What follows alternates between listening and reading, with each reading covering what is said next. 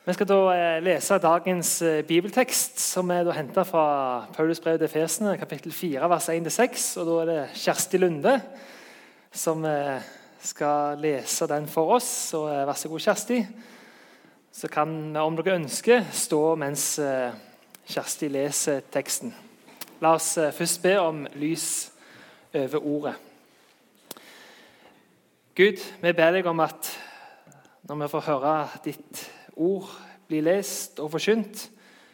Hjelp oss til å ta det imot det i vårt hjerte, til å leve på det, og til å ta det virkelig inn, hva det betyr for oss i dag. Amen. Så formaner jeg dere, jeg som er fange for Herrens skyld, at dere lever et liv som er verdig det kall dere har fått. Vær ydmyke, ta dere ikke til rette Strekk dere langt så dere bærer over med hverandre i kjærlighet. Legg vind på å bevare åndens enhet i den fred som binder sammen. Et legeme, én ånd, like som dere fikk et håp da dere ble kalt. Én Herre, én tro, én dåp. Én Gud og alles Far. Far Han som er over alle og gjennom alle og i alle. Nåden er gitt hver enkelt av oss, alt etter som Kristi gave blir tilmålt. Derfor står det:" Han steg opp i det høye og bortfører fanger. Til menneskene ga han gaver. At han steg opp, må jo bety at han først var steget ned i jordens dyp. Og han som steg ned, er den samme som steg høyt opp over alle himler for å fylle alt. Det er han som ga sine gaver. Han satte noen til apostler, noen til profeter og noen til evangelister. Noen til hyrder og lærere. Han gjorde det for å utruste de hellige, så de kan utføre sin tjeneste og Kristi legeme kan bygges opp, inntil vi alle når fram til enheten i troen på Guds sønn og i kjennskap til Han, og vi blir den modne mann som har nådd sin fulle vekst og har fått hele Kristi fylde. Så skal vi ikke lenger være umodne, ikke la oss kaste hit og dit og drive med vinden fra enhver lære, så vi blir bytte for menneskenes falske spill og villfarelsens listige kunster. Vi skal være tro mot sannheten i kjærlighet og i ett et og alt vokse opp til Han som er hodet, Kristus. Fra ham kommer hele legemets vekst. Det sammenføyes og holdes sammen av hvert støttende bånd, alt etter den oppgave som er tilmålt hver enkelts del, og slik vokser legemet og blir bygd opp i kjærlighet. Takk, Kjersti. Dette var Guds ord til oss i dag. Gud være lova. Jeg skal bare få koble til PC-en. Ja.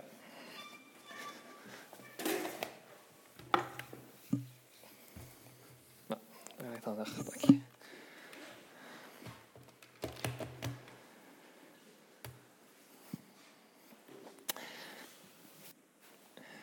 Yes. Et uh, spørsmål som jeg uh, får ofte, som går igjen og igjen, det er spørsmålet uh, hvorfor er det så utrolig mange kirker her i Flekkefjord. Og Spesielt så får jeg dette spørsmålet fra, fra ungdom som vil vite hvorfor er det så mange ulike kirker rundt omkring her i byen og, og ellers. Og Det som er utrolig bra med ungdom, det er jo at de, hvis de lurer på noe, så prøver de å finne ut av det. De stiller spørsmål. Og Det var noe av det første jeg tror jeg fikk, alle, fikk allerede nå på første samling med høstens nye konfirmanter. så var det En som stilte et spørsmål. altså Hvorfor er det så mange kirker rundt omkring i, i byen? Så er det jo òg et interessant spørsmål. Er dette noe som eh, er positivt? Er det noe som Jesus sjøl ønska at det skulle være? Eller er det ikke det? Vi er jo, som jeg nevnte, i en temaserie som har gitt overskriften 'Én for alle, alle for én'. Og I det ligger det en hovedtanke av dette med fellesskap. Fellesskap. Én for alle, alle for én handler jo det om å stå sammen. Fellesskap. Og Kirkelederen Paulus som har skrevet dette, her, skriver jo brev igjen for å ta utgangspunkt i hva det betyr å leve som en kristen, og hva det betyr at Jesus lever her og nå. Både for de som brevet brevet eller brevene en gang ble skrevet til, men òg til oss i dag. Og I det avsnittet som eh, Kjersti leste fra, så tar han opp dette med fellesskapet. Dette med enhet, som han da kaller det. Betydningen av enhet. Og Jeg har derfor valgt å kalle dagens eh, preken for 'United' med spørsmålstegn. Så skal ikke det være en diskusjon om eh, dårlige fotballag som eh, kalles United vittekant. Men det handler om dette med United. For United betyr jo det å være forent. Det at en står sammen. Hva betyr det å være del av et kristen fellesskap? Hva betyr det å stå sammen? Hvorfor i det hele tatt skal vi tenke at det er noe vi skal gjøre? Hvordan kan det, og hvis det er det vi skal gjøre, hvordan kan det da skje? Og hvordan kan vi ta hensyn til sånn som situasjonen er i dag? Det er utgangspunktet for eh, dagens eh, preken eh, til dere. Så håper det blir interessant. En grunntanke i Efeserbrevet som Paulus som har lest eh, mange ganger For dere som har vært med på alle disse herrene, eh, talene som har vært om denne eh, eh, brevet, er jo det som ble nevnt i Kristus, eller i Han. En grunntanke om at det å være en kristen ikke handler om først og fremst å ha et eller annet intellektuelt svar på noe, men det handler om en relasjon, om et fellesskap et fellesskap med Gud og et fellesskap med hverandre. Når en tar imot Jesus som sin herre, så tar han samtidig imot Den hellige ånd, som gjør at en blir i Kristus. En får del i Gud sjøl, i Kristus. Og en får da en ny status som menneske. En blir et Guds barn, og en får Gud som sin far. Ikke bare som sin konge eller gud, men som sin far. Og en får status som hans barn. Og alle kristne blir hverandres søsken. Hverandres søsken. Så det å være en kristen handler først og fremst om relasjon, om fellesskap. Å leve i dette her. Og så er det da betydningen av hvordan det kan se ut, som Paulus her snakker om. Og denne foreningen i Kristus er det Paulus berører i dag i forhold til hvordan kan den se ut, og hvordan den, kan den bevares. For det er en problemstilling som Paulus tar opp i dette brevet, og som også har blitt tatt opp i veldig mange andre brev som er oppbevart i den delen av Bibelen som heter Det nye testamentet, som er brev som er skrevet til kristne menigheter. Og Fra det vi har lest, så vil jeg bare gjenta noe av det, hvor Paulus sier at Sett alt inn på å bevare åndens enhet i den fred som binder sammen. Én kropp, én ånd, slik dere fikk ett håp da dere ble kalt. Én Herre, én tro, én dåp en Gud og alles far, han som er over alle og gjennom alle og i alle. Det som Paulus her skriver, er nok eh, noe som mange forskere og historikere tror mest sannsynlig et utdrag av en felles trosbekjennelse som de aller første kristne brukte for å vite hva de trodde på, hva de var enige om, og hvordan det skulle få betydning for livene deres. Det er nok ikke en fullstendig trosbekjennelse, som en kan se ut fra de andre brevene som en leser, hvor det er mange andre ting en tar opp som viktige i forhold til det å ha en felles tro om.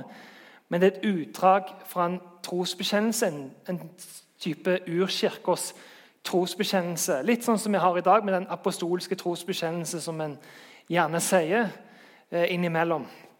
Eh, så var dette en sånn spesielt tidlig kristen trosbekjennelse som skulle forene de kristne i forhold til hva de trodde på. Og Blant det Paulus skriver, så er viktigheten av å bevare åndens enhet, som man kaller det. Enheten i Gud og enheten i hverandre. Og Han bruker så sterkt ord som 'sett alt inn' på å bevare denne åndens enhet. Sett alt inn på det. Denne enheten er jo noe som er gitt, ble gitt av Gud. Fellesskap med Gud, identiteten med Gud, det er noe som vi blir gitt. Men som med alt som vi blir gitt, så kan vi jo enten velge å eh, ødelegge det, eller vi kan velge, forhåpentligvis, å ta vare på det. Og Det Paulus oppfordrer de som han skriver til, og oss i dag, det er å ta vare på denne enheten som de har, det fellesskapet som de har, de som han skriver til. Det er mye diskusjoner rundt dette, her, og det er òg en ting som også kristne er uenige om. Men fleste forskere som jeg har lest, mener at fra begynnelsen så var det ei kirke. Mange har hevdet at det fantes en, eh, en Pauluskirke, en Jakobskirke, en Peterskirke, en Johanneskirke. Men Paulus, ut ifra det han i fall skriver her, det er at det er ei kirke. De er én kropp, et fellesskap. Selv om ikke alle er på samme fysiske plassen, så er det en tanke om at de tilhører hverandre. De er ett en kropp i Kristus, ei kirke. Så er det hvordan, Hvor er det Paulus har fått den tanken fra som han kommer her? Er det noe som han kommer med fra seg sjøl, eller er det noe annet? Jesus blir sitert av eh, Johannes i eh, boka eh, som han har skrevet, evangeliet til Johannes, hvor Jesus ber en bønn for da sine venner, altså sine disipler, de som fulgte han, de aller første kristne, så ber han en bønn kort tid før han vet at han skal bli, eh, bli drept. Stå opp igjen, men så fyke ifra eh, de, i forhold til å fyke opp til himmelen og ikke lenger være fysisk til stede sånn som han var. Og I den bønnen så ber han følgende om for disiplene og for de kristne må de alle være ett, slik du, far, er i meg og jeg i deg. Slik skal også de være i oss, for at verden skal tro at du har sendt meg. Jesus henviser her til en enhet som er mellom han sjøl og sin far i himmelen. Jesus var jo i én kropp, både Gud og menneske. Sann Gud, sann menneske, forent i én kropp. Og denne foreningen, denne synlige, kroppslige foreningen, er det Jesus ber om skal bli gjeldende og synlig blant de kristne som følger han. Må de være ett, sånn som han og Faderen er ett.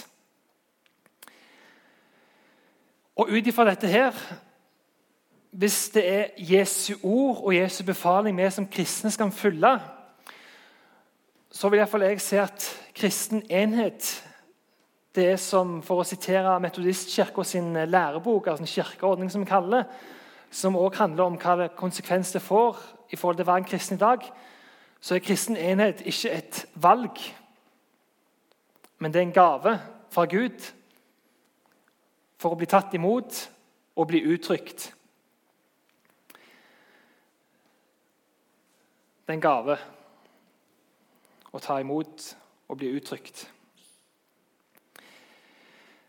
Vi som kristne, ved å være ett, så viser vi at vi representerer Jesus sjøl, sier Jesus. Som vi leste For at verden skal tro at du har sendt meg. Det skal være et vitnesbyrd. Ved at kristne står sammen, er ett, så skal verden se at det er faktisk Jesus som har sendt oss.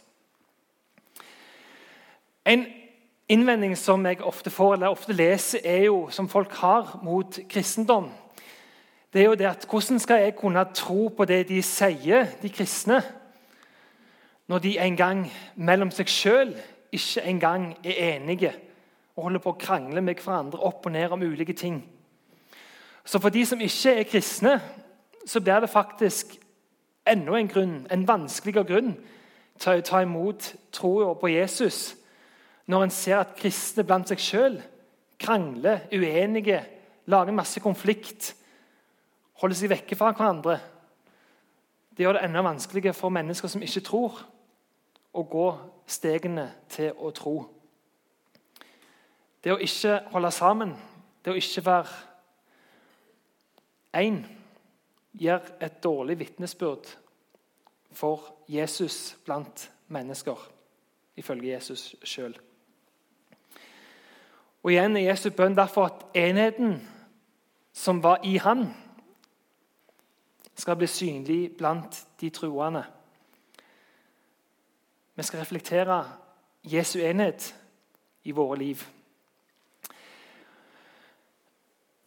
Så er det jo sånn at Helt fra de aller, aller første kristne så har det vært uenigheter. Det er ikke noe som plutselig bare skjedde for 500 eh, år siden eller 1000 eh, år siden.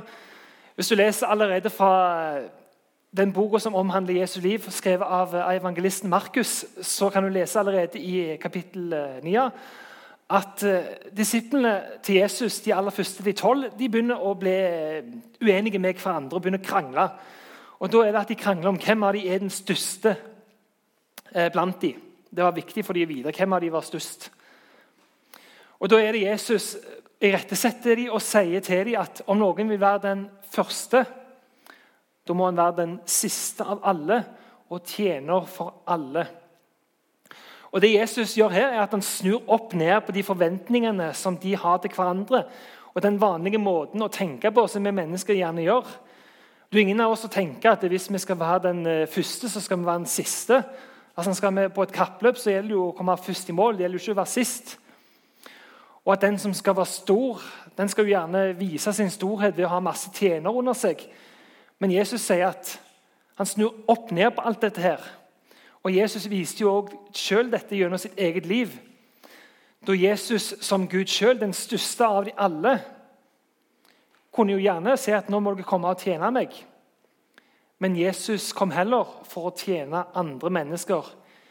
Gud som den aller, aller største, den aller, aller mektigste kom for å tjene andre mennesker. Så han snur opp ned på den tankegangen som vi mennesker har. Og noe av det tror jeg nok er det som er nødvendig for å bevare et godt kristen fellesskap.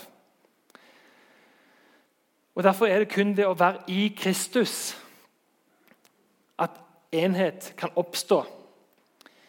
Vi må være i den måten Jesus tenker på. Vi må gå i Jesu eksempel. Vi må være i Kristus. Vår identitet må være først og fremst i Kristus, ikke i oss sjøl, for at det skal kunne være et godt enhet blant kristne. Og Paulus, og I forhold til alt dette her, så er det jo også sånn trua virker. For i forhold til Gud så er det jo ikke at vi får etter fortjeneste, selv om vi mange ganger tror det. At hvis jeg bare ber nok, hvis jeg gjør nok, så kommer Gud til å like meg litt mer. Så kommer Gud til å gi meg litt mer. Men i forhold til det vi får av Gud, så er jo alt fra nåde. Alt blir gitt ene og alene ut ifra Guds godhet mot oss. Ingenting av det vi har, ingenting av det vi er, ingenting av det vi får, blir gitt uten noe annet enn at det blir gitt fra Guds nåde, fra Hans godhet mot oss. Ingenting er det vi kan gjøre for å fortjene mer. Gud, av det han gir, gir han det ut ifra hans godhet mot oss. Så I Kristus så er det en annen tankegang enn det en vanligvis tenker ellers. Paulus peker på at det er tre dyder som må til fra det vi har lest, hvis en skal kunne ha en sann enhet i Kristus. tre dyder. Den ene er mildhet, ydmykhet og storsinn, peker Paulus på som tre dyder for å kunne bevare enheten i Kristus. For å ta den første mildhet. Jesus sier selv at mild er den som ikke knuser et knekket siv og ikke slukker en rykende veke. Og Prest og forfatter Henry Newen han forklarer dette med at mild er den som er lydhør for andres styrke og svakhet, og som gleder seg mer over å være sammen med andre enn å prestere noe.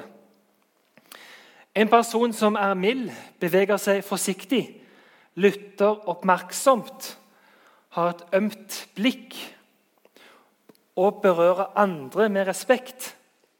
En mild person vet at sann modenhet krever næring, ikke styrke. Jesus var i seg sjøl mild. Han møtte mennesker med respekt, og de som han var uenig i. Han var ikke kommet for å skape dårlig stemning, først og fremst. Han kom for å skape fred. Jesus kom for å lytte til andre mennesker. Samtidig er mildhet ikke at en skal ikke ha en egen mening om ting eller skal kunne stå for noe. Jesus sto jo absolutt for noe, og han var tydelig når han var uenig. Men han gjorde det med mildhet. Jesus kom aldri for å gjøre seg sjøl stor, men Jesus kom først og fremst for å løfte andre mennesker opp. Løfte andre mennesker opp. Da jeg var i Egypt, så var jeg på en plass etter Anafora, som den koptiske ortodokse kirke drev. Og Anafora det betydde å løfte andre mennesker opp. Og Der kom mennesker som hadde ødelagt et liv.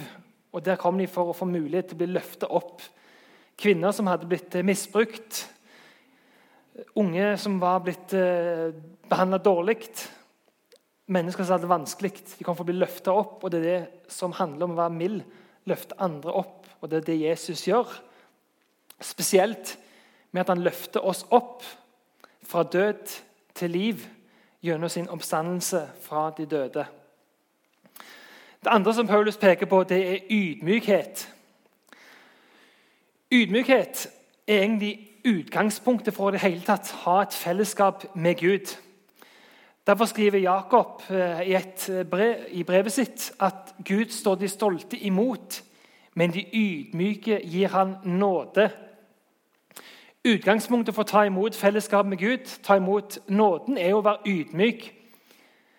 Det å kunne innrømme at eh, det jeg sjøl driver med, det når ikke opp til det du gjør, Gud.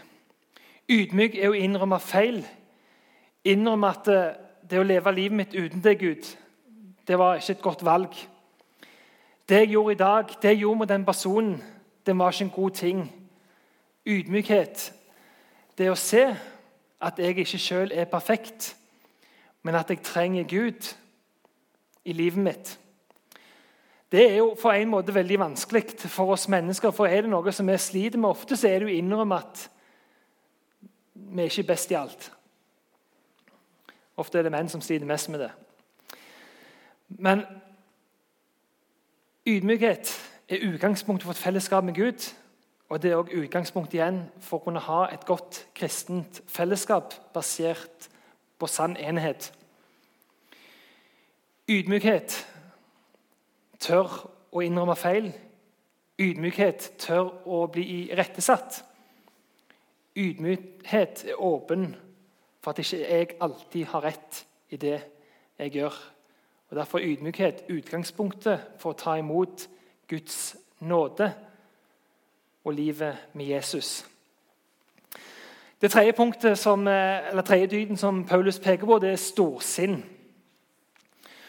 Og storsinn, å ha et stort sinn, handler ikke om å ha et stort smil, men å ha et stort sinn. Det handler om at en kan tåle at andre er forskjellige. Tåle andres svakheter. Tåle at andre gjør feil som en kanskje ikke sjøl ville gjort. En bærer over med hverandre. Og Det er jo det Jesus sjøl gjør, for Jesus han var jo fullkommen. Jesus gjorde aldri noe galt, han gjorde aldri feil. Han levde fullt og helt rett. Men Jesus bærer over med oss mennesker, viser oss ståsinn, da han gir oss muligheten for tilgivelse. Når vi kommer til Jesus og ber om tilgivelse, så sier ikke Jesus nei, altså, dere må bare være sånn som meg. Hvis dere ikke får til det, så er det galt nok for dere. Men Jesus sier at 'jeg ser at du fikk det ikke til sånn som jeg fikk det til'. Og jeg velger å tilgi deg, sier du ber om det. Så det å vise storsinn er bl.a. å gi tilgivelse til mennesker som ber om det. Det er ikke å holde fast på sinnet, holde fast på ting. Men det er å gi slipp, vise storsinn, gi muligheten for tilgivelse. Og Hvis du leser Bibelen fra perm til perm, så er det jo nettopp det Gud gjør med oss mennesker. Hvis det er en gjennomgående tråd ved sida av eh, Jesus, så er det at Gud viser storsinn. Mennesker lover igjen og igjen og gjør sånn som Gud sier. Og igjen og igjen så gjør mennesker feil. Og så er det jo det gode at Gud igjen og igjen velger, til tross for det, å gi tilgivelse og gi en ny start. Gud velger å vise storsinn. Mildhet, ydmykhet og storsinn. Og Jesus sier om dette med tilgivelse at en viktig del av det er også i forhold til det å tilgi hverandre. For Jesus sier at men når dere står og ber og har noe å anklage en annen for, så tilgi ham. For at deres far i himmelen kan tilgi dere misgjerningene deres. Men om dere ikke tilgir, skal heller ikke deres far i himmelen tilgi deres misgjerninger. Hvordan kan vi be om tilgivelse fra Gud hvis ikke vi vil tilgi hverandre? Og Det er også det vi ber om i Herrens bønn, hvor vi sier 'tilgi oss vår skyld', slik også vi tilgir våre skyldnere.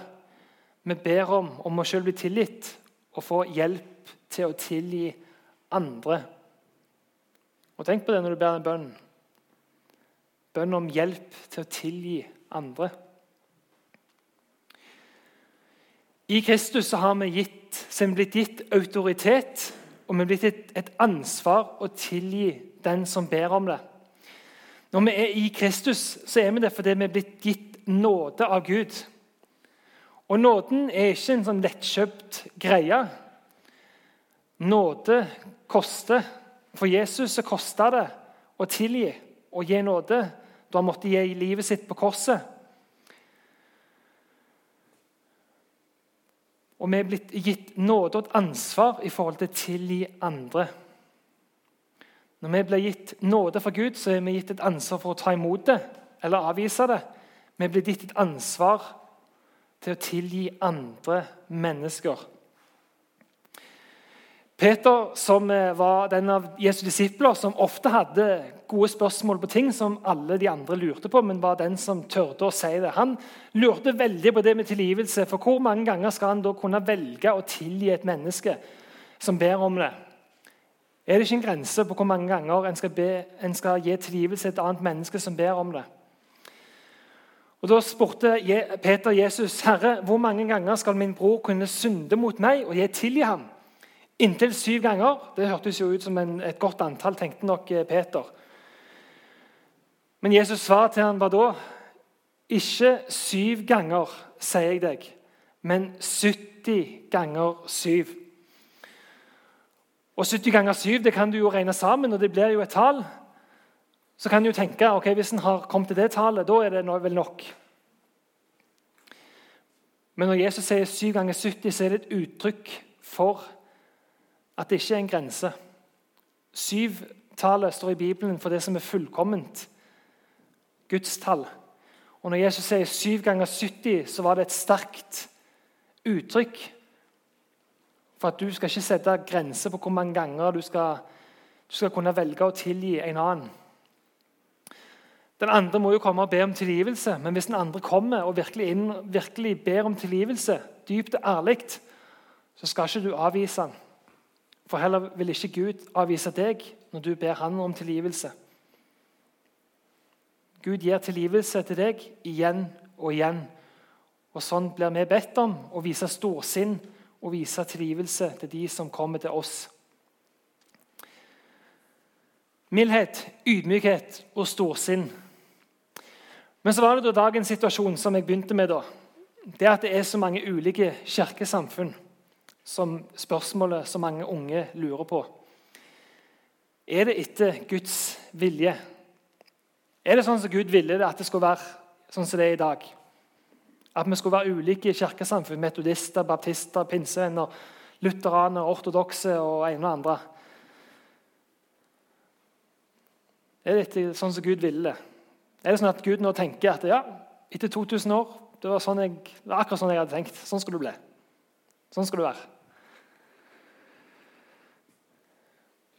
Det som virker fra sikkert, iallfall fra begynnelsen, som jeg nevnte, er at i utgangspunktet så var det ei kirke. De var ulike menigheter på ulike plasser, med ulike språk. Ulike kulturer sikkert blant menighetene, men de hadde en felles tanke om at de var ett. Det kan du se fra brevene, annet, eh, hvor Paulus ber om eh, kollekt. Hvor de samler inn pengegaver til mange av de andre menighetene. Så de har et felles tanke om at de står sammen med hverandre. Og når det var vanskelige spørsmål som en skulle ta opp, så ble det sendt til det som var felles lederskapet, som da var det som de ble kalt for søylene i Jerusalem. Som da var de opprinnelige, i begynnelsen de opprinnelige disiplene til Jesus, bl.a. Peter og Johannes Jakob og disse som tok opp de store spørsmålene. Og så det de, det de kom fram til, ledet av Gud, Den hellige ånd, ble da gjeldende for de andre menighetene. Som en da sendte brev til for å da veilede dem, korrigere dem og vise dem hvordan de burde tenke om ulike spørsmål. Men sånn er det ikke i dag. Jeg tenker, Uten at jeg skal gå inn på en sånn lang historieforelesning, som jeg tror sikkert ingen har lyst til når jeg har allerede brukt uh, 29 minutter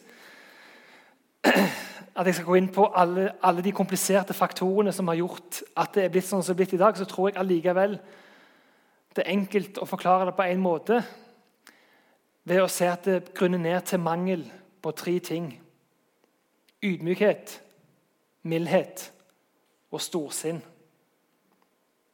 mangel på det. Og da tenker jeg mangel på det både for de som nok var ledere i de ulike kirkene og kirkesamfunnene, og nok mangel på det for de som fort gikk ut og starta noe annet.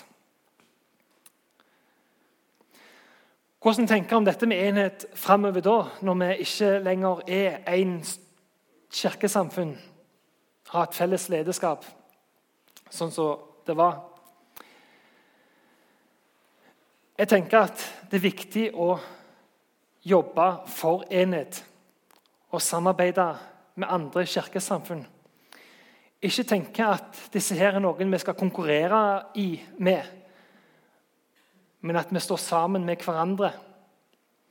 Selv om vi ikke er et kirkesamfunn med ett navn, så skal vi fortsatt tenke at vi er ei kirke bestående av mange ulike. Og så er jo en tanke i forhold til det å være i Kristus at du da er en del av Jesu kropp. Og på Jesu kropp så er det jo mange ulike lemmer. Så kan en forhåpentligvis tenke at en er med ikke å konkurrere med hverandre, men er med å utfylle hverandre. Og er med å hjelpe hverandre til å gjøre Jesus synlig på den måten som en sjøl har fått gave og midler til.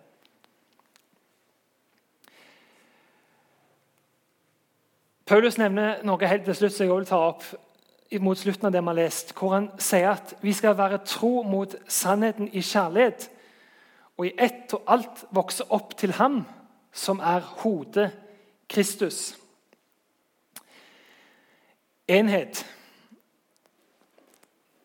sannhet, kjærlighet. I alle menigheter og i alle kirkesamfunn vil det oppstå uenigheter om forskjellige ting. Det kan være små ting, det kan være store ting. Og En skal stå og jobbe for det som er sant, sier Paulus. Men så er det viktig at en gjør det i kjærlighet. Altfor mange ganger har jeg hørt samtaler og lest innlegg som ikke virker til å være preget av kjærlighet, men heller å være preget av noe annet. Når en argumenterer, enten om det er mot folk som ikke er kristne, eller folk som er kristne. Så gjør det igjen hva slags vitnesbyrd dette gir for de som ikke er troende. Så er det også samtidig sånn at sann enhet kan ikke oppstå hvis en er uenige om alt. Sann enhet er basert på noe, et felles trosgrunnlag. Og Paulus henviste jo bl.a. til et utdrag fra en trosbekjennelse for å henvise til at dette er jeg om. Dette er basert på noe av det som vi tror på. Dette står vi sammen om. Dette er det vi baserer denne enheten på. Så det å på en måte se at vi skal være en enhet, men samtidig være uenige om all slags, det blir en dårlig enhet.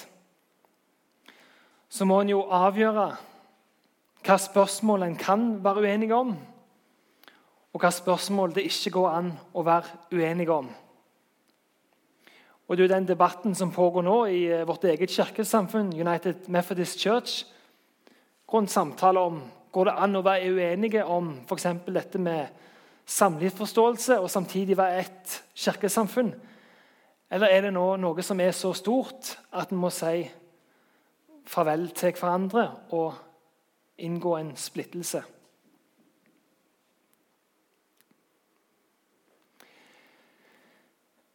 En ting, en ting som er sikkert, som jeg har igjen henvist til, er at Kirka er valgt til å gjøre annerledes, til å velge annerledes. Det er ikke sånn at bare fordi en ikke fikk viljen sin i en menighet, ikke fikk det akkurat som en likte det Det var ikke lenger sånn som det var når jeg for lenge siden, og så på en måte ble alt endra. Nå gidder jeg ikke mer. Nå går jeg ut og starter noe nytt. Kirka er kalt til å vise ydmykhet, storsinn og mildhet. Den er kalt til å velge annerledes enn ellers. Bare fordi en er uenig i noen ting, så er det ikke sånn at du skal som enkelte gjør i politikken, starte et nytt parti med en gang. Men det er heller å stå sammen og jobbe for enhet. Sett alt inn på å bevare åndens enhet, som Paulus skriver. Det kan vi kun gjøre hvis vi er i Kristus, og hvis vi lar våre liv få være preget av mildhet, ydmykhet og storsinn. Så er jo spørsmålet kan vi det. Kan vi være såpass forskjellige og samtidig stå sammen? Kan vi være det som sang, en sang sier, jordens største under. At Guds menighet er jordens største under. For til tross for alle ulikhetene så er det noe av det som har vært alltid, som har blitt bevart gjennom alle de endringene som samfunnet rundt kirka har vært. Så er spørsmålet om vi framover fortsatt kan være det å være et fellesskap preget av mildhet, ydmykhet og storsinn, for at vi kan være et godt vitnesbyrd for Jesus blant oss sjøl og blant mennesker som ikke har et, fått et møte med Jesus, men som venter på dette møtet gjennom nettopp deg. Ære være Faderen og Sønnen og Den hellige ånd, som var, er og blir en sann Gud fra evighet til evighet. Amen. For å bekjenne at vi står sammen, så nevnte jeg dette med trosbekjennelse. Jeg ønsker at vi kan ta reise oss nå, så kan vi bekjenne den trosbekjennelsen som fra 300-tallet har vært uttrykket for eh, en felles tro. På tvers, som også i dag er en felles tro på tvers av ulike kirkesamfunn. Den nikenske trosbekjennelsen, som vi kaller den. Vi tror på en Gud, den allmektige Fader, som har skapt himmel og jord, alt synlig og usynlig. Vi tror på en Herre, Jesus Kristus, Guds enbårne Sønn, født av Faderen fra evighet. Gud av Gud, lys av lys, sann Gud av sann Gud. Født, ikke skapt, av samme vesen som Faderen. Ved ham er alt blitt skapt. For oss mennesker og til vår frelse steg han ned fra himmelen. Han er blitt skjød ved Den hellige ånd av jomfru Maria og blitt menneske. Han ble korsfestet for oss, pint under Pontus Pilatus og gravlagt. Han oppsto den tredje dag etter Skriftene, for opp til himmelen og sitter ved Faderens høyre hånd. Han skal komme igjen med herlighet og dømme levende og døde. Og på hans rike skal det ikke være ende. Vi tror på Den hellige ånd, Herre og livgiver, som utgår fra Faderen og Sønnen, som med Faderen og Sønnen tilbes og forherliges, og som har talt ved profetene. Vi tror på én hellig, allmenn og apostolisk kirke vi bekjenner én dåp til syndenes forlatelse og venter de dødes oppstandelse og det evige liv. Amen.